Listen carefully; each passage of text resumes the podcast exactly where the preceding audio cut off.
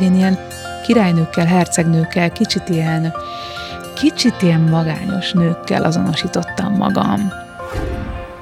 Én nagyon félve néztem a világra, mint egy ilyen kis csibe. Csak jól palástoltam. Sok vagyok. Hát persze, hogy sok vagyok, mert anyám a kis gömbözöt mesélte. Jó, jó fiam, hogy szeretsz énekelni, de lesz rendes szakmád is, mondta később anyukám. Az UNICEF Magyarország bemutatja Így lettem. Beszélgetések nagy emberek kiskoráról. Mert a gyerekkor meghatározó és megismételhetetlen. A műsor házigazdája Mészáros Antónia. Azért beszélgetünk az UNICEF podcastjában ismert emberek gyerekkoráról, mert gyermekvédelmi szervezetként fontosnak tartjuk hangsúlyozni, hogy a gyerekkor egy milyen egyszeri, megismételhetetlen, a későbbi életünkre alapvető hatással bíró időszak, ami így aztán az egész világot meghatározza abban a tekintetben, hogy azoknak, akik éppen gyerekek, milyen gyerekkort biztosítunk. Szerintünk erre nagyon fontos odafigyelni, társadalmi szinten is, de nyilván egyénileg is. Te mennyit szoktál arról gondolkozni, hogy a gyerekkori élményeid hogyan határozták meg azt, aki most vagy? Köszönöm, hogy ezzel kezdünk, nagyon jól esik erről gondolkodni, meg beszélni. Hát sokat. E- egyszerűen fogalmazva sokat, és ha ezt kibontom, meg szétszárazom, akkor azért is sokat, mert az én lányaim 9 és 5 évesek, és egyszerűen látom, hogy az, amit ők most élnek ezekben az években, az lesz később a világ felépítése, az, hogy én beszélek hozzájuk, az, hogy én érzelmileg jelen vagyok számukra, az lesz később a minta számukra. Úgyhogy sokat. Most, amikor készültem a beszélgetésre, meglepve láttam, hogy mi tulajdonképpen majdnem egyszerre születtünk. Két hét van közöttünk. Egy országban, egy nyelven, de mégis egy teljesen más világban. Neked milyen gyerekkorod volt? Írd le egy kicsit azt a környezetet, amiben hmm. érkeztél. Bag, Bag faluja, a falu széle az erdőhöz nagyon közel, nagyon közel a természethez, és azt hiszem, hogy ez nekem egy ilyen nagyon hosszú földeltséget ad, vagy egy ilyen az egész életemen át kitartó földközeliséget, ugyanis én tényleg egy ilyen paraszti családban nőttem föl, ahol volt fóliánk, műveltük a földet, tudtam az évszakok változását, nagyon közelről követtem a bogarak állatok változásait, jelenlétét, és ez azt hiszem, hogy nagyon jó volt nekem. Szabadban játszottunk, ki voltunk csapva az utcára, földút volt, nem jött sok autó, szóval hogy volt egy ilyen faluszéli, szabad, természetközeli létezés gyerekkoromban. Legkorábbi élményed, amire emlékszel? Nézem az udvart, és benne van az orrom a képben, és a kis sapkámnak a, a libenő széle, és azt hiszem, hogy tyúkokat látok, tehát ez lehet, hogy a magyar családi mamáméknál volt, de a tyúkok meg a kopasznyakok a kas az megvan. Olyan élményre emlékszel, amiről azt gondolod, hogy na, ez lehetett a legmeghatározóbb pillanat a gyerekkorodban? Ó, sok van. Sok kötődik a nagyszüleimhez. Az egyik, az nagyon itt van most bennem, hiszen nagyon sokat koncertezem. És mind a két nagypapám zenélt. És a csanádi tatám, Stáncs Lázár, ő valahogy megérezte azt, hogy, hogy bennem ez a zene, ez tényleg már ki akar törni, amíg generációkon át szerintem gyűlt, gyűlt, gyűlt a családom tagjaiban, és amikor készültem pici kislányként, 6 évesen a népdaléneklési versenyekre, ugye mi bagol laktunk, de néha lementünk csanádra, akkor a tata meghallgatta. Tata meghallgatta, és volt ilyen viaszos vászonterítő, arra így rá tette a fejét, és amúgy is nagy füle volt, de én így alsó nézetből azt éreztem, hogy nyúlik a fül, folyik le, mint az óra a Dalinak a képein, és az egész ember egy nagy hallgatózás, egy nagy fül. És amikor vége volt a dalnak, akkor mondta, jó van, fiam, jó van, fiam. És odafordult anyámékhoz, meglátjátok, fiam, ott fog ez énekelni a tévébe. És hát én azt hittem, hogy ez csak a családi legenda része, majd most nyáron Kecskeméten éneklek, oda jön egy hatvanas magyar családi pár, hogy mintha a Lázi bácsit látnánk a kocsmába, hogy zenél, meg énekel. És tudod, mit mondott nekünk? Mondom, mit? Hogy én jó éneklek, de az unokám ott fog énekelni. szóval ez a tatában tényleg nagyon mélyen benne volt, ő ezt hallotta, hogy itt, itt jó zene van. És szerinted ez akkor beléd is mélyen beleépült, hogy akkor el kell jutni ezzel messzire? Ezt látod, nem tudom, mert pici voltam, és hát lehet, hogy tudat alatt ezek működtek. Tehát most így a pálya mostani pontja, meg az életem mostani szakaszában sokszor gondolok erre, hogy ő hallja oda föntről, meg írtam egy ilyen dalt, a cigányos, az konkrétan olyanra írtam, ami neki tetszene. Nem tudom pontosan, azt tudom, hogy egy fél felvétel maradt meg tőle, egy magnuszalagnak a vége, képzeld el, a nótát pont nem fejezi be, és az én egy szálének albumomon az az utolsó számot a nótája, hogy én befejezem a nótát, esküszöm neked egyszer se gyakoroltam el vele, és minden levegővétel, minden tempó, minden díszítmény pont ugyanúgy volt, mint a felvételen. Akkor téged érzelmileg nagyon támogattak abban, hogy zenéj, de milyen visszajelzéseket adtak így kvázi szakmailag? Tehát kaptál időnként olyat is, hogy ez most még nem jó, ez gyakorol, ez most nem sikerül, vagy csak a biztatást? Sok biztatást kaptam, a szüleim is tudták, hogy azért ez egy picit árnyalom neked. Bag, 80-as évek, Muharai Elemér népi együttes. Aki oda elment, az biztos, hogy világot lát, utazik, szép előadásokba vesz részt, öreg néni, kis gyerekek egy színpadon, szóval abszolút minden ideális, de ami igazán megdobta ezt az egészet, az a tanároknak a személye és az ő tanítási sztenderdjeik, az ő hozzáállásuk, a szívvel, lélekkel való tanításuk. Tehát volt Igló Éva a tánc karvezetője, és a Rónai Lajos, aki pedig a zenészeket tanított, és ő vett észre, hogy ennek a lánynak jó. Kérdeztem tőle, már sajnos nem él, hogy miért én? Hát mert nagyon jól énekeltél. És mondta de te 7 éves voltam, vagy nyolc. Nagyon jól énekeltél. És ő adta nekem ezeket a kazettákat, amit az előbb említettem, hogy a népdal éneklési versenyek re készültem, mert ő indított el ezen az úton. Igen, volt támogatás, ugyanakkor anyuéktól azért ez egy picit furcsa döntés volt, hogy én azért az apácai gimnáziumba jártam, tehát a tesóm évek, és évekkel, évekkel és most ugrottam egyet. És akkor nyilván ez már Budapesten volt? Igen, tehát akkor lett a Bak Budapest váltás 14 évesen, igen, igen. és ott azért az, hogy éneklek, azért az mégiscsak olyan bohém dolog, meg a művészek bizonytalan életet élnek, folyton mennek. Jó, jó fiam, hogy szeretsz énekelni, de lesz rendes szakmád is, mondta később anyukám. És nem azért, mert nem szeretett volna, meg nem, nem azért, mert ne imádta volna, és ne sírta volna magát könnyesre, amikor énekeltem, hanem mert féltett. De ezek szerint az nagyon fontos lehetett nekik, és nem magától értetődő, felteszem, bagon a közösségben, hogy te lássál világot, juss el messzire, tanult ember legyen belőled, hogy kitörjél? Mondták volna így, hogy gondolták volna így, hogy kitörjél abból a közegből? Szerintem volt az anyuban ilyen, meg az apuban is, és az apácaiba fölvenni a paja testvéreket, tehát ez egy ilyen nagyon tesómat, két évvel előtte, utána engem is. Az, az egy ilyen nagyon nagy büszkesége volt az anyunak, amit, amit szerintem ő idő kellett, míg megemésztette az az, hogy oké, okay, de a világ az nem úgy tágul, hogy elképzelem, hogy az apácaiba elmegy, és majd lesz egy egyetemi karrierje, vagy kutató lesz, vagy tanár, vagy hanem énekes lesz, mert az is ott van benne, és na, az nagyon sok bizonytalansága jár, az kívül esett az ő biztonsági körén. Miközben valószínűleg jobban ismerte a zenevilágát, mint mondjuk egy kutatóintézetét. Igen, nem tudom mennyire ismerte, azt, azt értette, hogy ez túl van mindenen. Én mindenen túlmentem, tehát én, én egy vadember, lázadó voltam, tehát én egy az az aborátlan csikó, az azért ott volt bennem, és lázadtam, én kitörtem tényleg, és az már neki tényleg a biztonsági körön kívül volt, szóval a mi szenvedélyes viszonyunknak volt egy, volt egy ilyen szakasza, amikor ők ezt nehezen értették, de utólag szerintem nem, nem sajnálják, hogy én az éneklésbe így tettem, ilyen világlátóvad módon tettem bele ennyit, csak akkor, akkor ott kamaszkoromban, vagy fiatal felnőtt koromban ezt nehéz volt megérteni. Viszont a legfontosabb első ajtót ők nyitották ki előtted azzal, hogy egyáltalán feljuttattak a fővárosba, egy elit gimnáziumba, egy teljesen más világba, mint ahova érkeztél.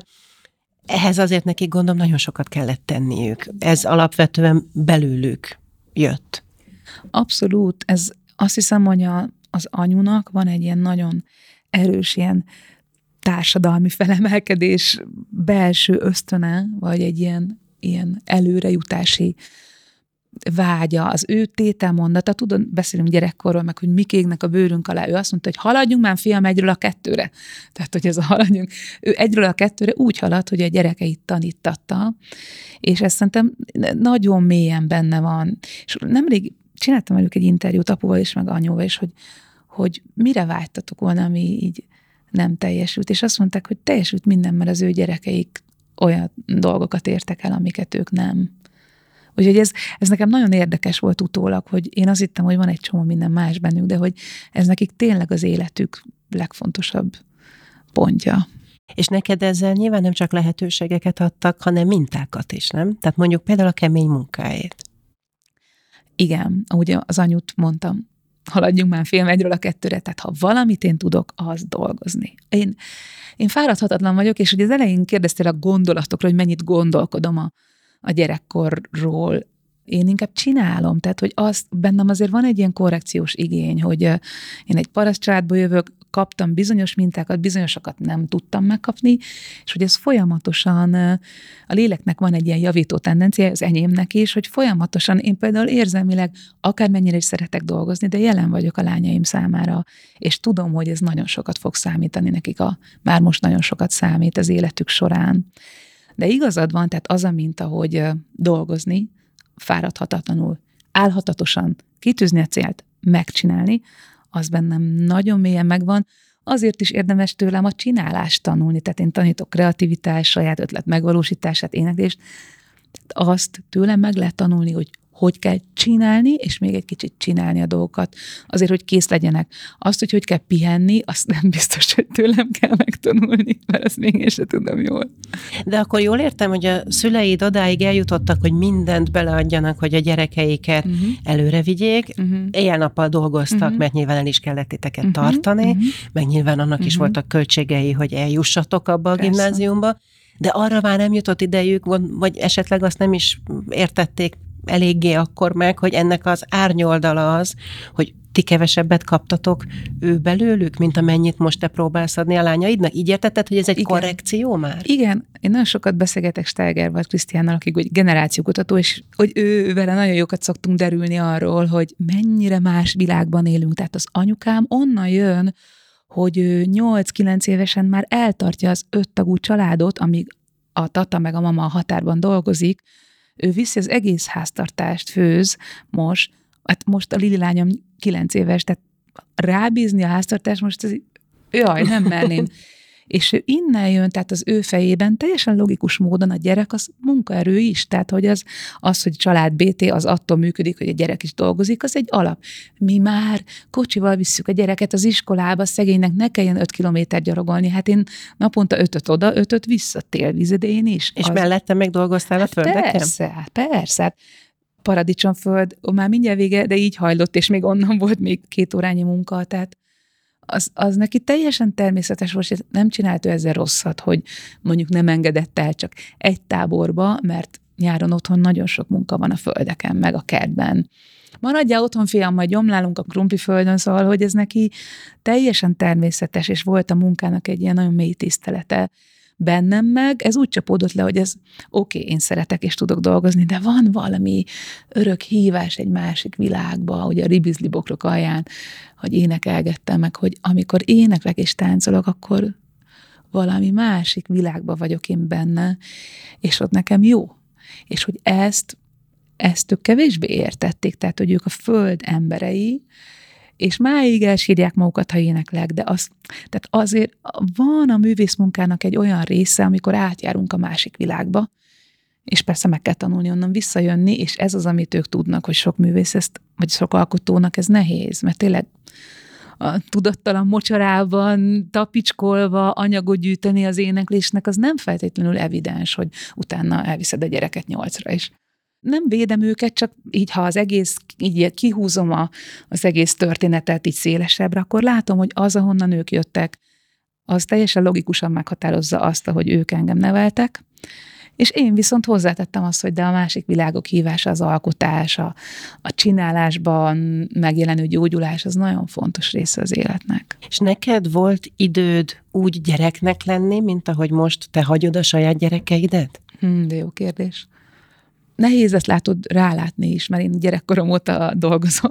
mert hogy ez, ebben azt hiszem benne is van a válasz, hogy, hogy én dolgozni tanultam meg. Én parasztlány vagyok, mi trágyáztuk a földet, tehénszar tettünk bele, és attól lett szép a virág, meg a paprika.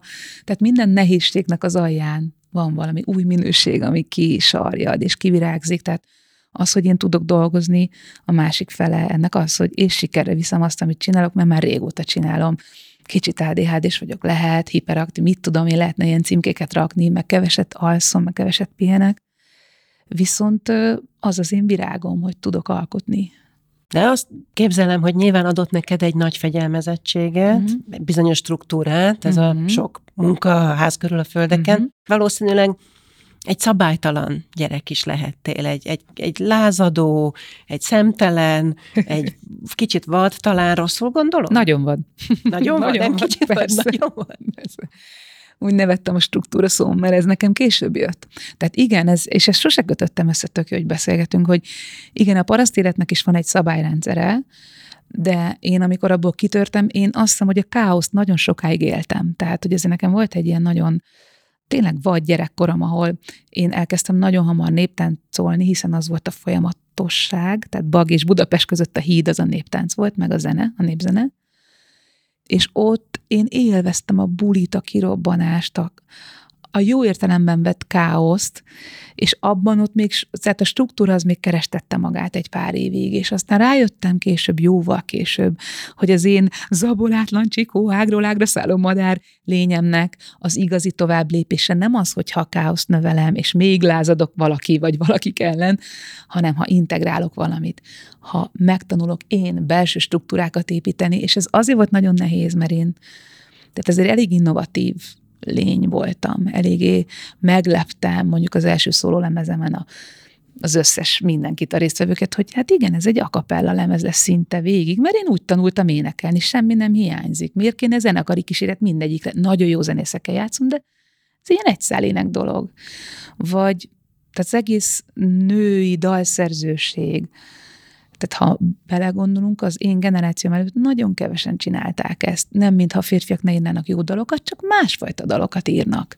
Tehát a nagy női dívákat férfiak találták színpadra ki, milyen ruha, mit énekel, milyen szöveg, és szerintem nagyon jó munkát végeztek, de azért egy nő másképp ír, más hangulatban, más érzeteket fogalmaz És hogy egy nőnek lehet hangja, uh-huh. most a te esetedben igen, a szószoros igen. értelmében, és hogy megvalósíthatja önmagát és uh-huh. a mhm. saját elképzeléseit, azt szerinted te honnan uh-huh. láttad, vagy tanultad? De kaptál erre mintát, vagy ez valami olyan, ami minden előzmény nélkül belőled jött, és csak megütközést váltott ki a környezetedből? De jó ezt így végig gondolni. Hát nálunk az anyu volt a motor, tehát nyilván az is egy minta, hogy egy családból, hogy ő tehát szerintem a nők nagyon sokat tudnak dolgozni, még mielőtt bármilyen ha harcba megyünk, én imádom a férfiakat, meg a nőket, tehát hogy én, én az együttműködésben hiszek. Tehát én a kettő nem kollaborációjában, a párbeszédében, a kommunikációs skillek javításában, azért én ebben hiszek. De az biztos, hogy az anyu, az anyu bírta ezt valahogy jobban, és mint hogyha az apunak meg az az, az ilyen elképesztő érzékenység jutott volna, amit akár nőiesnek is szoktunk gondolni, bár nem kéne ezt így osztani már, elképesztő érzékeny volt, van egy történet, hogy ő beteg kis, tehát vékony kisfiú volt, és azt mondta az orvos, hogy ez a fiú egy ceruzánál nehezebb dolgot ne emelgessen, édesapám erre súlyemelő lett fiatal korában, és bajnok, és vitte 72-ben az olimpiai lángot egy szakaszon, és Juha. És aztán később mondta el nekem, hogy, és valójában ő rajzolni szeretett volna, szóval ezek a metaforák mennyire uh-huh. beégnek, tehát, hogy ő valójában a ceruzát szerette volna emelgetni és rajzolni, és tényleg nagyon jó rajzol, iszonyú jó történetmesélő, úgy fest meg. Tehát én a családom, az apu ágán lévő családtagokat én az ő történetmesélése által ismerem. És milyen történetek és mesék voltak fontosak neked egyébként? Fel tudod idézni? Hát ez nagyon érdekes, mert az anyu szerintem nagyon fáradt volt, és nagyon sokszor a Benedekelek 77 magyar népmeséből az első jutott el, amely a kis gömböc meséje. Ezért a kis gömböcöt nagyon sokszor mesélt el újra és újra, ami érdekes, ha már történetek és metaforák, hogy bekapom a világot, ugye ez egy ilyen életfaló, habzsoló, és ahogy anyu mondta, hogy gurult, gurult le a rédre, ki a kaszálóra, és ez a gurult, gurult, és ment tovább, és volt egy ilyen flow az egész. De azonosultál a kis gömböccel. Tudtam, mit csinálni, sokat hallottam, ezt az anyunak nem volt ideje szegénynek újabb mesét. Szegény hullafáradtan dölt be mellé, és emlékszem, hogy elalszik, és hogy így, tehát mint nálunk most a Lilivel, hogy így kis birizgálás, így összebújja, és az anyu hamarabb alszik el, mint én. Tehát, hogy ez a, a kis gömböcösséget én azt hiszem, hogy sokszor hallottam, és nekem az biztos, de nem tudom, de sejtem, hogy beéghetett, hogy a világot így bekapni, bár lehet, hogy ezt a narratívát csak később találtam ki. Mert De nem, azért... ez tök érdekes, amit mondasz, mert én is nyilván sokszor hallottam uh-huh. ezt a mesét, valószínűleg mindenki a Magyarországon. azzal kezdődött a 80-as években. És én szerintem soha nem a gömböt szemszögéből képzeltem uh-huh, bele magamat uh-huh. a történetbe, hanem mindig, mint az, akinek menekülnie kell Ó, előle. De Tehát, ez az lehet, hogy de én érdekes. vagyok a különleges, de azt is el tudom képzelni, hogy ez a mese igazából sokakból inkább azt váltja ki, hogy jön valami, ami elől el kell menni, mert ha bekap, és te pedig ott bagon hallgattad, hallgattad ezt a mesét, és azt mondtad, hogy én leszek a gömböc. Ez olyan érdekes, mert azért ezt belegondolok, és milyen szép, hogy te ezt hallod belőle, azért én a gurút, gurút, gurút, én azt szerettem az anyu hangján. Tehát igazából a flót szerettem benne. Ez későbbi történet, hogy ilyen viccesen, hogy így a kis gömböttel azonosítom magam, de jobban belegondolok, azért sajnáltam a családot, meg sajnáltam a kaszálókat a réten, Szóval ez szerintem egy ilyen későbbi ilyen vicces metafora, mert ha valójában igazából az azonosulást kérdezed, akkor én egyrészt a hófehérkével, jaj, ott van a hét, másrészt a világszép nátszák is asszony, aki a tölgyfában be van így, így olyan szép rajz volt így a könyv elején, tehát hogy én ilyen királynőkkel, hercegnőkkel, kicsit ilyen, kicsit ilyen magányos nőkkel azonosítottam magam. Tehát ez a kis gömböc, ez szerintem egy utólagos narratíva, hogy magyarázom a bizonyítványomat, hogy sok vagyok. Hát persze, hogy sok vagyok, mert anyám a kis gömböcöt mesélte, de szerintem azért a valódi azonosulás érzékeny, viszont nagyon kitartó nő alakokkal tudott történni. Milyen gyerek voltál egyébként szerinted? Ő. És milyen kamasz? Ő. Ugye ott volt egy érdekes törés is nyilván az életedben, Igen. egy nagyon pozitív Igen. előrelépés, de mégis óriási változás Igen. lehetett Bagról Budapestre. Ahogy elmondod, nem is voltál könnyű eset. Igen. Tudtak téged akkor is jól szeretni?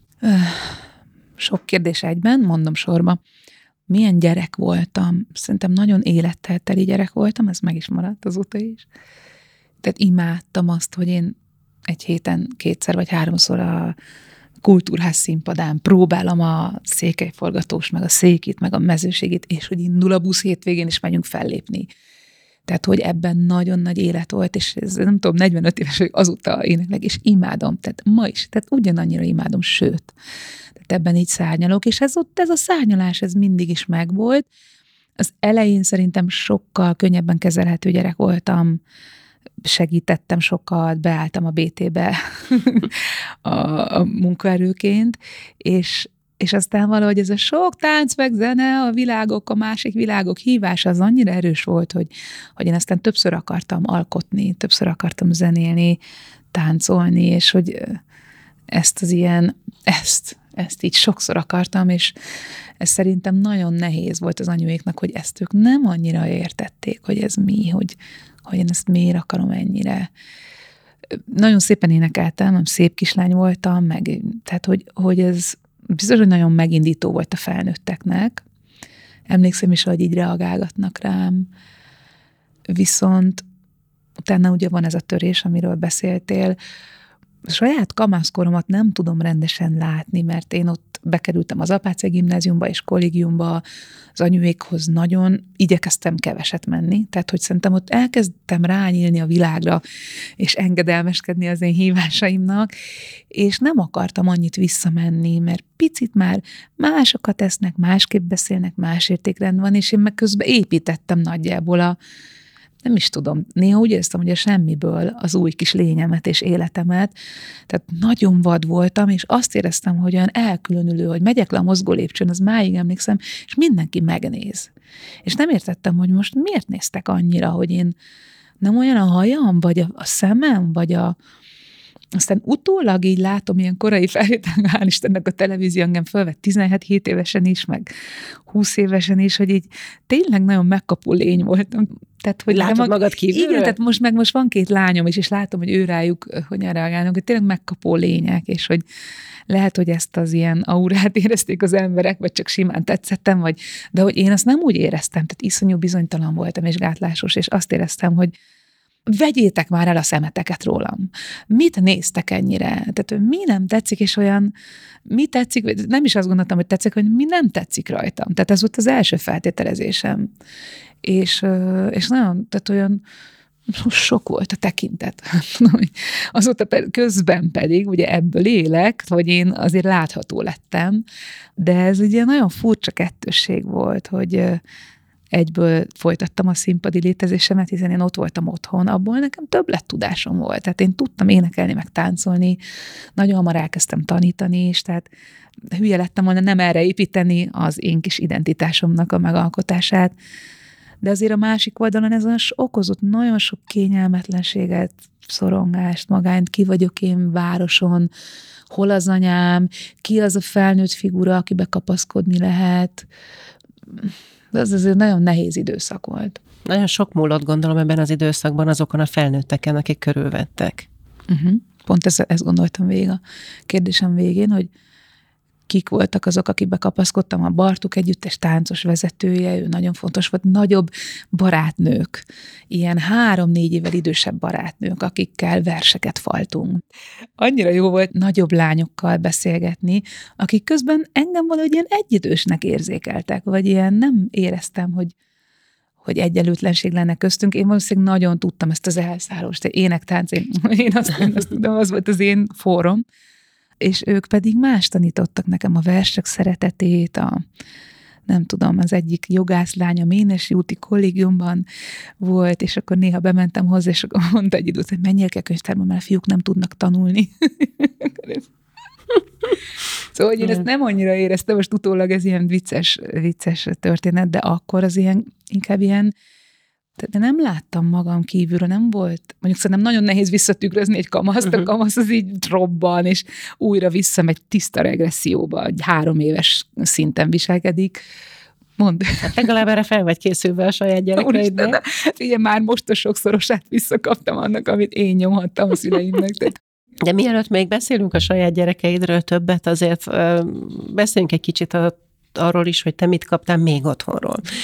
Érzem, amit mondasz, uh-huh. hogy mhm. mennyire vonzó volt neked ez az új budapesti világ, ez a szabadabb világ, ez a sokféle művészeti ajtó, ami kinyílt előtted, de valahogy azt sejtem, hogy taszítás is volt otthonról, nem csak vonzás a fővárosból, mert te beszéltél már róla, hogy azért nagyon sok feszültség is volt. Nagyon sok veszekedés, olykor agresszió. Igen. Ezt te akkor gyerekfejjel hogy élted meg, hogy dolgoztad fel? A testi érzetet tudom elmondani, meg azt, amit én most csinálok, tehát egy ilyen kő a gyomromban. Kő a gyomromban, ami nagyon sokáig ott maradt velem, és most is meg tudom figyelni, hogy még egy ilyen feldolgozatlan, az a kő még kemény. Tök mindegy, hány évesek vagyunk, belezuhanunk időről időre, egy perc, másodperc alatt a gyerekkori érzetbe, gödörbe, és én tudatosítottam ezt a kőérzetet, a magas pulzust, a lapos légzést, a az összegörnyedő testemet, és ezzel aztán szépen dolgozom, tehát a jelenben levésnek a legjobb eszköze az az, hogy mindig ezekkel az érzetekkel tudok lenni, a figyelmemmel. Tehát ha ilyen van, akkor is ott vagyok. Tegnap este is nem ez volt, de azért ideges voltam, nagyon sokat dolgoztam, és a lányokat időre kellett fektetni, és nem akarták, nincs szürke levenyük, már nem tudják, hogy a fürdésig elindulnak, és közben hat dolgot elkezdenek csinálni, tehát és akkor is jött ez az ilyen, nem ez a kő, de valamilyen idegesség, és akkor megfigyeltem, oké, okay, most akkor mélyebben kell lélegezni. Lányok, tudjátok, holnap nagyon korán kell kelni. Szóval ezeket így átlélegzem. De de mondjuk, hogy más a... egy ilyen feszült este, Persze. amikor félsz attól, hogy időre nem sikerül, meg azok a gyerekkori helyzetek, ha jól Sejtem, hogy igen, ilyenek igen, voltak, igen, amikor voltak. te attól féltél, hogy bántanak. Igen, és akkor én azt nem tudtam ott kiprocesszálni, tehát így összehúztam magam, vagy a tesómmal összebújtam, és amit én most a gyerekeimnek meg tudok adni, az az, hogy oké, okay, van, hogy néha én is felemelem a hangom, sőt, kiabálok, de utána beszélünk róla, sőt, lerajzoljuk. Pannika, milyen anya, amikor kiabál, és nagyon jó rajzokat csinál. Elképesztő jó. Tehát, hogy ez egy ilyen kreatív cuccba utána átmegy. Mert nem az okozza a követ a gyomorban, hogy ez történik, hanem hogy utána nem tudok kivel beszélgetni róla, nem tudom, hogy feldolgozni. Ez ilyen van, szerintem nincsenek tökéletes családok. Az enyém se volt, az valószínűleg a tiéd se. Tehát ilyen nincs, mert hozzuk a sok generációk óta gyülemlő nehéz, súlyos cuccokat, háborús terhektől kezdve a feldolgozatlan mindent, és én ahelyett, hogy ezt így visszafelé nézném, igen, volt mm, alkohol, veszekedés, verekedés, de hogy az, ami, ami ebből bennem lett, az az, hogy a testérzetek folyamatos figyelése, ha a lányaimmal valami kiabálás van, az kreatívba ki, kifejezni, vagy csak beszélni róla, másoknak elmondani, történetet csinálni belőle, tehát, hogy ilyen bocsánatot kérni, megtanul, megnézni, hogy mik a tanulságai, te mit csináltál volna másképp, én mit csináltam volna másképp, és utána a következőben nem átvinni, és ez, ez működik. Tehát azt mondod, hogy van egy program, ami te azért bizonyos szinten megörököltél, uh-huh. tehát te elszenvedted, és aztán nyilván valahogy imprintálódott is. Uh-huh. És ez úgy fut benned, hogy te közben próbálod átírni, meg az ellenprogramot futtatni, meg kívülről látni, és valahogy egy elfogadni, hogy ez ott van, hogy ez, ez is te mhm. vagy, uh-huh. és mégis a gyerekeidnek már valami élhetőbb verziót adni belőle? Persze, hát szerintem ez a ma do- mai ember dolga. Tehát aki nem ezt csinálja, az gyorsan kezdje el ezt csinálni. Ebben én elég radikális vagyok. Persze ezt nagyon sokféleképpen lehet csinálni, de az biztos, hogy én a szakmám hálás ajándékaként még kaptam egy dolgot, hogy szerintem jó dalt csak akkor lehet írni az én nívom szerint, vagy az én érzeteim szerint, ha mélyreásunk ebbe a tudattalan mocsáras rétegbe, és ahhoz viszont egy nagyon kőkemény belső munka kell, hogy ezt meg tudjuk csinálni. Ugye rólam megkérdezik mindig, hogy hogy vagy ilyen bátor, híres író mondta, hogy be, hogy merted ezt leírni. Szóval, hogy, hogy rólam mindig mondják, hogy olyan szókimondó vagyok, igen, olyanokat mondok ki, amit én már valamennyire meggyúrtam, és én három lépéssel előbbre járok. Tehát, hogy azért nem kell engem annyira félteni, mert tényleg nagyon sokat dolgozom a saját határaim tartásán, hogy mi az, amit abból ki lehet mondani a törzsnek, és mi az, amit még egy kicsit úgy eh, rágogassak belül. De hogy szerintem ez a mai ember dolga, elmenni, meggyúrni magát, és én ugye az éneklés, meg az alkotás miatt, meg a dalszerzés miatt ajándékba kaptam az önismeretet, mint kötelességemet. De hogy nekem már nem az a dolgom, hogy, hogy lázadjak, vagy boszorkányként, ugye elégtek előttem sokan, vagy nem tudom, szavazati jogunk is van, én tudok dolgozni, tudom azokat a dalokat csinálni, azokat az interjúkat készíteni bármelyik oldalról, ahol ezeket elmondjuk. Szóval ez a dolgunk, hogy, hogy tanuljuk meg a saját belső tájat megpillantani, azon sétálni, ne a másikra, nem a másikra mutogatni, hanem a saját mintáinkat meggyúrni. És e, ez egy örök életre szóló feladat és tanulás, és aki minket most hallgat, nézi, én annyira szeretném ezt ilyen lelkesen mondani, hogy és ez tök jó, ebből tök jó dolog. Nagyon nehéz meló, de az, az a mellékterméke, hogy a szívünkben összetört helyekről ilyen elkezdenek ilyen virágok sarjadni, kincsek kihullani, és hogy megéri a melót befektetni. És ez pillanatról pillanatra van. Tehát, hogy akkor is, amikor te kérdezel, én editálok, hogy most mit mondjak el a családi sztorikban, nem az az érdekes, hogy ők miben voltak, az is érdekes, hanem, hogy én mit gyúrok ebből. És azt mondod, hogy ez már már szülői kötelesség, az önismeret, Abszolút. és az, hogy az ember feldolgozza Abszolút. a saját traumáit, megismerje a saját természetét, szembenézzen vele, mm. bizonyos értelemben a szókimondás is. Abszolút értem, mm. amit mondasz. Hát de akkor, bocs, találjunk egy jobb szót, az, az igaz, őszinte történetmesélés. Igen, igen, mert pont ezt akartam kérdezni, hogy hogy valóban benned van egy nagyon felszabadult és felszabadító uh-huh. szabadszájúság, szókimondás. De azért mégis más a művészet, ahol uh-huh. ez szuper, meg a gyereknevelés, ahol ebben biztos máshol kell meghúzni a határokat, mint egy zenei album készítésekor. ja. A csúnya szavakra gondolsz most konkrétan, vagy a szókimondás, mint elmondom azt, hogy mit történt? A szókimondás, tehát hogy, mind, hogy mennyivel kell esetleg többet vagy kevesebbet cenzúrázni, amikor ja, ugye egy, persze. amikor egy, egy még formálódó, még fiatal, még bizonyos dolgokra talán nem érett személyiséget, persze. nem teszel ki mindennek, gondolom, mint aminek akár a közönségedet bizonyos esetekben. Persze, bár a közönségem ő felnőtt közönség. Tehát azt Ez őket, erről beszélek. Igen, igen, olyan, olyan A gyerekeknél mindig a saját kis lényükre, a saját korosztályukra szabom azt, amiről beszélünk. Én most éppen nagyon vicces, hogy ezt kérdezem, mert tegnap a Torzomborza rablót olvassuk már sokatszor újra, és ott a torzomborz úgy káromkodik, hogy mordizomatta, és akkor olyan blaszfémiákat, ilyen nemes blaszfémiákat kerestünk, ami egy kisgyerek szájából is a fűzfán fütyülős rézangyalát, a kutya fáját, a fene egye meg, mordizomatta, ami egy ilyen régi, régi dolog, tehát hogy, hogy helyettesítsük azt, amit akár az anyukámtól én hallottam, pedig annyira gyönyörűen káromkodik. Tehát tényleg, te szerintem nagyon jól áll neki. De nem a rézangyalt emlegetve. Nem a rész, persze, hogy nem. Tehát, hogy persze, nem, de most ezt így nem idézem, pedig annyira jó. Tehát az csak úgy jó, ha őt idézem, az egész, egész íz az nagyon jó. De hát én is ezt hallottam kiskoromban, belőlem is kiszalad. Sőt, azt látom, hogy a generációs vonalon az anyu mit kapott, meg tehát, hogy ez így ilyen van. És akkor mi már próbáljuk most így a, a, az ilyen költészettel valahogy beoltani, hogy mordizomatta, és amikor egy kilenc éves kislány hogy mordizomatta, mondta. Szóval ezen dolgozunk, hogyha erre gondol szókimondásként, ha tematikus szókimondásra gondoltál, hogy mit mondunk el és mit nem, én tehát érzem őket, ők is engemni, össze vannak kötve az agyaink, a füleink, a szíveink, pontosan tudom, hogy mit lehet és mit nem. Mondjuk vannak témák, ahol szerintem mi érettebben beszélünk, mi hárman lányok, mi már két lányom meg én egymással, mint az átlag szexuális nevelés, tehát hogy ők nagyon-nagyon pontosan és jó dolgokat tudnak erről. Szerinted mi az, amit alapvetően fontos megadni egy gyereknek? Hmm, az érzelmi jelenlétet, az elérhetőséget. Ez nem biztos, hogy könnyű egy olyan pályán, mint a tiéd, amikor valószínűleg nagyon adná magát, hogy te sose legyél otthon. Ja, nem ez van. Én mióta vannak gyerekeim, nagyon sokat vagyok velük. Nagyon-nagyon. Főleg a pannika óta, meg ugye a vállásom óta. Tehát én szerintem mi össze vagyunk szinte nőve. Én nagyon sok dolgot nem vállaltam el, meg most se vállalok el.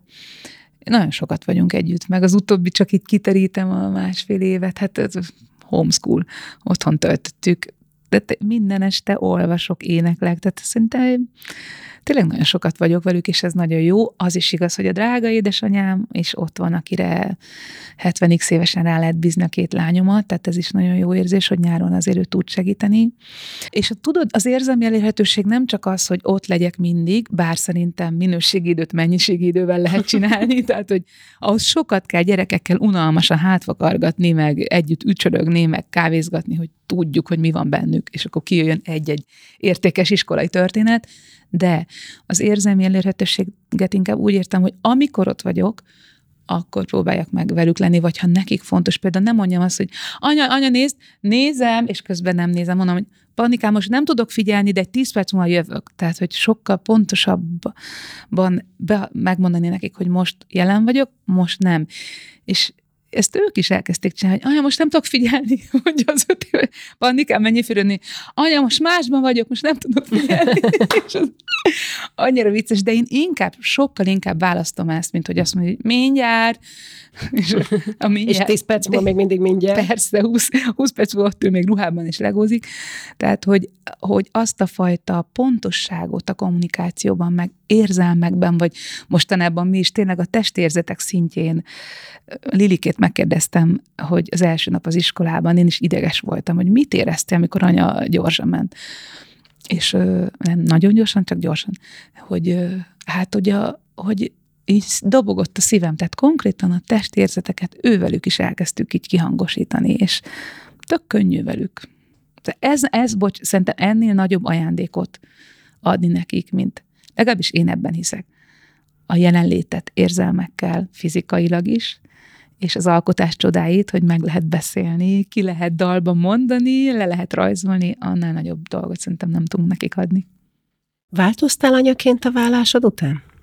Persze, persze. Én szerintem sokkal jobb ember lettem, tehát a vállásom az egy nagyon mély gödör volt, és hát trágyáztam a talajt, hogy nőjön egy újabb virág. Sokkal, sokkal, sokkal felelősebb ember lettem minden értelemben magam iránt is, a dolgaim, a cselekedeteim iránt, a lányaim élete iránt eltelt egy idő, amíg ebbe beletanultunk. Egy nagyon kedves barátom írta, hogy nagyon-nagyon nagy erő lesz abban, ahogy ti együtt felnevelitek egymást. Ezt írt egyszer egy SMS-ben, akkor még a gödör alján voltunk, és így visszahőket, hogy felneveljük egymást, és bizony így három és fél, négy év táblatából azt látom, hogy ez a két kislány, ez akkora mester. Panika nem volt még egy éves. Akkora mesterek, és olyan erő van abban, hogy én tényleg rájuk hangolódom, és tényleg az, amit mondom, hogy érzelmileg jelen vagyok, hát az nekem a legnagyobb tanulás, hogy persze most hogy hívnak a világok, meg dalszerzés, meg én is podcast interjút csináltam, most hogy vagyok ott a pannikának, a nem tudom, a játszótéri történetében is, hogy igenis meg kell próbálni ott lenni, és nem mindig sikerül. Tegnap este is uh, Lilinek be kell pakolni a bőrönbe, Pannika közben mondta magáit. Nem mindig sikerül, de a törekvés az, hogy én jelen legyek nekik, az, az bennem ott van, és azt hiszem, hogy ez változott meg a vállásom után is, hogy, hogy tudtam, hogy igazából én nem számíthatnak. És én vagyok ennek a két kislánynak a, az életének a biztonságot jelentő pontja, és, és nagyon összeszedtem magam, tehát én sokkal jobb ember lettem mindegyik szülésem után, várandosságom után, és a vállásomból is szerintem kihoztam a legjobbat. És hát ott azokban a fájdalom pillanatokban azért termelődtek ott szép kincsek, de az, az, az egy nagyon kőkemény meló volt. Viszont te nagyon tudatosan dolgozol is magadon szakemberekkel is, vagy ez inkább csak egy ilyen egyedül végzett munka? Vannak nekem segítő embereim. Szerintem kell is egy ilyen szakmában. Ha én már szerintem jól vagyok, tehát a, főleg abban lettem szerintem nagyon jó az évek során, hogy, hogy ezt a fajta vadságot megőrizzem, ne veszítsem el, és közben tartsam a határaimat, hogy mikor, mit mondok, mit csinálok. Nem mindig sikerült tökéletesen, de a belső struktúra az megvan, hogy eddig jöhetsz, utána nem. És közben ez nem úgy történik, hogy mindent lekorlátozok, hanem megvan a struktúrája a struktúrálatlan időnek, most lehetek vad, most viszont nem. És hogy szerintem ebben, ebben léptem én nagyot, de az igaz, hogy viszont alkotó emberként mindig és újabb, újabb helyekre megyek még, mélyülgetek, ahogy egy barátom mondta, és ebben a mélyülgetésben nem árt, ha van egy szupervízor, egy kapuőr, aki szól, hogy most gyere vissza, most csináld ezt. Szóval, hogy én nagyon szeretek ilyen emberekkel dolgozni. Azért fontos, hogy beszélünk erről, és azért jó, mert hogy azért manapság Magyarországon talán még inkább is, mint mondjuk tőlünk kicsit nyugatabbra, sokaknak ez tabu terápiára az jár, aki beteg. Igen, tehát ez, mindenki azt gondolja, hogy segítséget nem kell kérni, mert, mert az azt jelenti, hogy nagyon nagy a baj, hát nem akkora a baj, hát nem arról van szó, hogy én Értem. elmebeteg vagyok, akkor ja, nem megyek, értem. de ha megyek, akkor meg nem beszélek róla, amivel ugye fenntartjuk ezt a tabut. Ja. Tehát te, aki egy ilyen szókimondó ember vagy, szerintem fontos, hogy ezt is el tudod persze, mondani, hogy persze. jó, hogyha az ember kér időnként tanácsot, jó, hogyha mondjuk van, ahogy te fogalmaztál, szupervízió igen, ilyenkor. Igen. Sőt, hát te egyel tovább léptél, mert te magad is segítő szakemberré váltál az éneklés. Nem tudom, hogy van rá időd, de ez felteszem, egy lelki szükséglet volt, hogy ha már annyi dolgoztál magadon, akkor másoknak is átadjál ebből kétfelé szedem. Szerintem, a, amit mondtunk, hogy a mai embernek az a dolog, hogy érzelmileg jelen legyen, ez nem könnyű. Nem erre vagyunk mi kondicionálva. Az egész gyerekkori sztori, amit itt felemlegetünk, nem erre. Arra hívott minket, hogy néha ne legyünk ott. Tehát tudod, anyuék veszekszenek, én a, elszállok a dalokba ez az érzelmi jelenlétet visszatanulni. Ez egy óriási feladat. Szerintem ez csak külső segítséggel lehet, még a legtudatosabbaknak is az összes nagy tanító is dumálva jött erre rá, meg, meg külső tükrökben, tehát ezt egyedül, ezt a melót szerintem nem lehet csinálni, és ez egy nagyon nemes munka, én nem is a betegséghez kötném ezt, hanem a, az alkotáshoz. Ugye az én egyik kulcsszavam, ha rám kerestek, az a kreativitás. És a kreativitás, mint csinálás, tehát a művész mesterséget, az alkotói munkát tudom én nagyon csinálni, teremteni, és hogy ehhez nagyon mélyen hozzátartozik ez a fajta belső zugokba való bevilágítás, a belső barlangokba, a belső tájon való nagyon figyelmes séta, és Szerintem ezt nem, nem is, hogy nem lehet megúszni, hanem nem kell, mert sokkal izgalmasabb dolgokat tudok én így például létrehozni, és én nagyon-nagyon szeretem azt, hogy, hogy vannak ilyen segítő szakmában dolgozó emberek, akik az én szupervíziómat is elvégzik, és tényleg nagyon hálás vagyok az összesnek, meg most szerintem ez különösen nagyon fontos, hogy, hogy ezek az emberek dolgozzanak, és szerintem egyszer a Bánki György hívta fel rá a figyelmemet, hogy sokkal kevesebben vannak, mint amennyire szükség lenne. Tehát, hogy igen, igen, ez így van. Ezzel mi az UNICEF-nél most a COVID kapcsán igen. különösen sokat foglalkozunk, hogy a gyerekek lelki-mentális egészségével mennyire fontos lenne foglalkozni, milyen mélyen megütött sok Persze. mindenkit. Ez az elmúlt másfél év, és hogy milyen kevés szakember van egyébként, aki egyáltalán rendelkezésre áll. Én azt mondom, hogy ma a világban szinte mindenki segít mindenki, tehát hogy mindenki valamit tanul és tanít.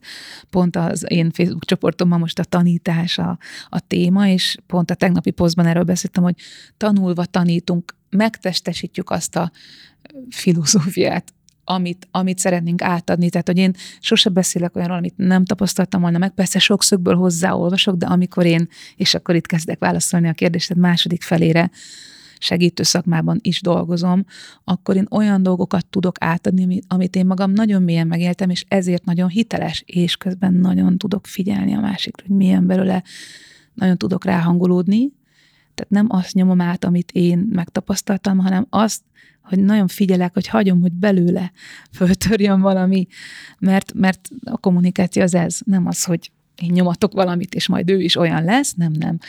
Ő, az ő hitelessége azon múlik, hogy ő maga, magát organikusan változónak élje meg.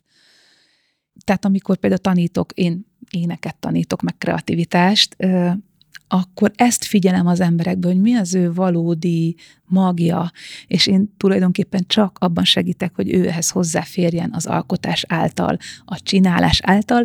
Képzelt, hogy a legfontosabb leckém, a, például a kreativitás online kurzusomban, az a Csináld angyalkáról szóló videó, ugyanis csináltam egy ilyen csináld angyakát, mert én megéltem nagyon sok alkotói folyamatban, hogy most sokkal könnyebb lenne letenni a papírt, feloszlatni a zenekart, nem fellépni, nem megírni azt a dalt, a hívlak téged, vagy a tükör. Ú, erről nem beszélt, tisztességes nő Magyarországon. E, helyette csináld üzemmódban maradtam, mert a csináld anyakám csak annyit mondott, hogy csak csináld, csináld, csináld és én annyiszor megtapasztaltam, hogy amikor a világ dumál, nekem csak csinálni kell, és én a végén ott állok, hogy miért lettél én hát, hát mert csináltam. Tehát, hogy, és hogy félelem idején annyi szabad választásunk van, hogy mit csináljunk. Egy csomó mindent lehet csinálni, alkotni, és hogy én ezt tudom megtanítani az embereknek, és ettől működik annyira, hogy nézd, már csak éneket tanítottam, aztán megváltozott a kapcsolat élete jó irányba, olyan irányba, amiben szerette volna, pedig csak írtunk egy dalt, és akkor itt azért szeretnék erről egy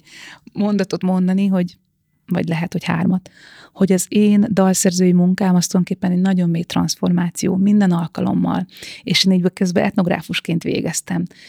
Van egy teória, Arnold van Genep átmeneti rítusok elmélete, amit 65-ben írt le, a lakodalmakat vizsgálta a falukban, törzseknél, hogy az átmenetnek van három fázisa, van a be fázis, amikor elköszönünk, a mennyasszony elköszön az édesanyjától, jaj, anyám, köszönöm, amit tőled kaptam. Van az a káosz fázis, amit én teszek hozzá, hogy a lakodalma, szerintem ezért iszik halára mindenki mindenféle alkoholt, hogy hogy, ebben a káoszban valahogy megmaradjon, vagy elfelejtse, mert ez nagyon tele van érzelmekkel, semmi nem az, ami minden összekavarodik, ellopják a mennyasszony, mi történik, ugye fehér ruha, de akkor mindjárt jön a piros ruha, és van az out, a kiszakasz, kifelé az exit fázis, amikor az új énemmel kijövök a közösségre, hogy nézzétek, ezzé alakultam át. Hát az a rituáléknak a klasszikus, nem tudom mennyire klasszikus, de így egy ilyen hármassága, ami ma nincs meg. És én arra jöttem rá a saját munkámon, a bőrömön, a hangomon, az életemen, a sok ellenállás, meg a mindennel együtt, hogy amikor én megírom a Hírlak téged című dalt, az ugyanilyen átmeneti ritus. És mit csinálok? Én lejegyeztem, és rájöttem, hogy ezt meg tudom embereknek mutatni, hogy ezt meg lehet csinálni, és ma már ott tartunk, hogy aki eljön hozzám énekelni, az valamilyen szinten egy saját történetet dalba is fogalmaz, ami az ő átmeneti ritusa lesz.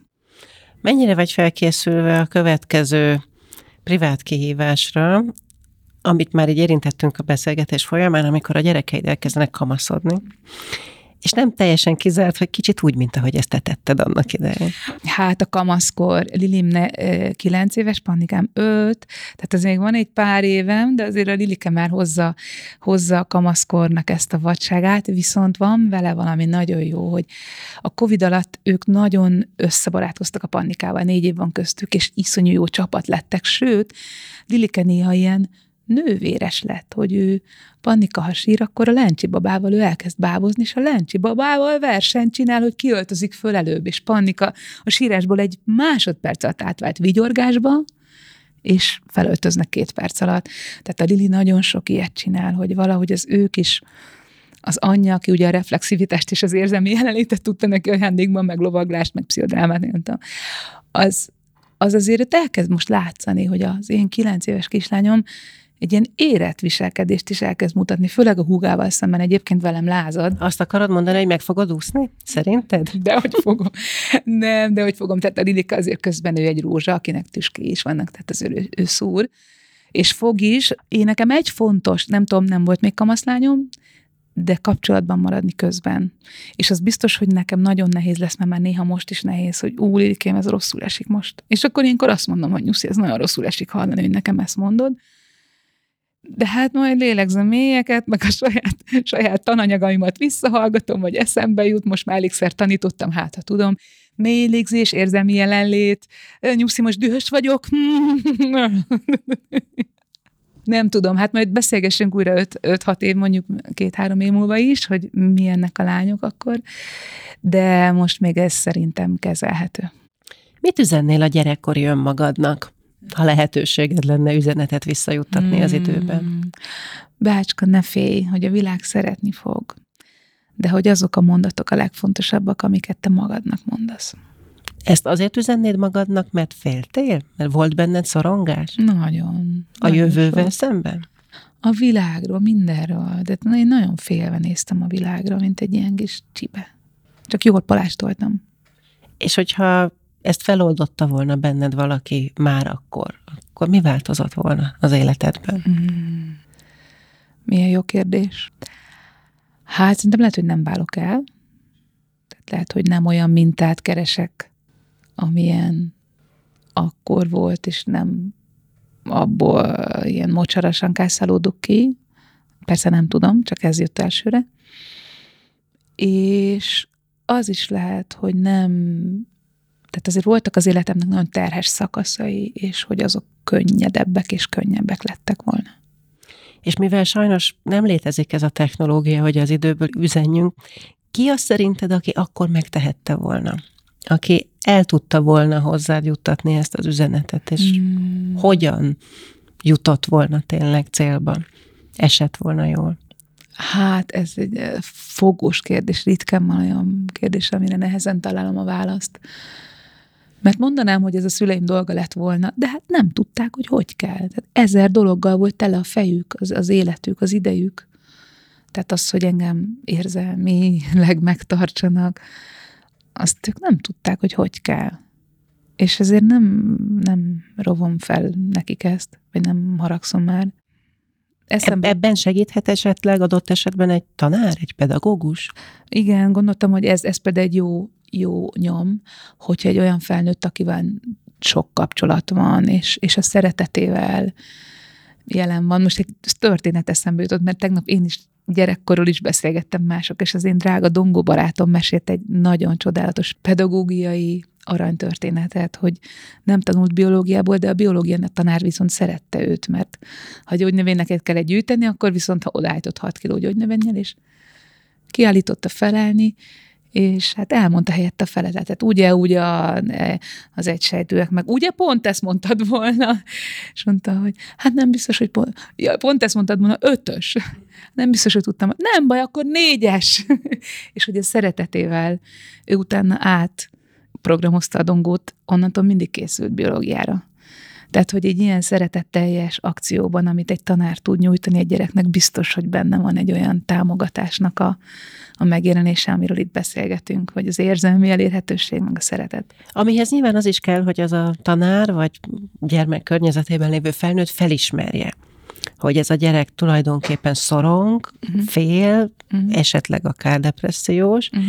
és nem biztos, hogy ennek olyanok a jelei, mint így elsőre gondoljuk. Tehát ahogy én például elképzellek téged, fiatal uh-huh. lánynak, valószínűleg az utolsó, amit gondoltak Persze. volna róla, sokan, akik ehhez nem értenek kifejezetten szakmai alapon, az az, hogy te szorongsz, hiszen felteszem, hangos voltál, vidám voltál, kitetted magad állandóan mindenféle hatásnak. Tehát Nyilván kompenzáció volt ebben, gondolom én, aki nem vagyok szakember annak alapján, amit mesélsz, de hogy nem biztos, hogy az ember egy elsőre azt mondja, ez egy szorongó, visszahúzódó, gátlásos, félén kislány, és mégis ott volt benned.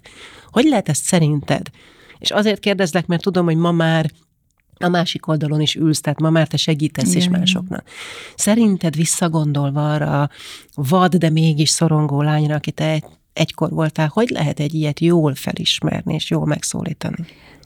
A figyelem élességét maximalizálni, és hát időt tölteni azzal a kislányjal, beszélgetni vele nem csak olyan helyzetekbe, meg, meglátni őt, amikor nyomja föl az energiát, hogy eltakarja a kis törékeny sebzetényét, hanem tényleg figyelni és vele lenni, és ez néha az, hogy a tanárnak hátul is szeme van, és még egy kell hozzá, hogy a tanár a saját szorongásait is ismerje.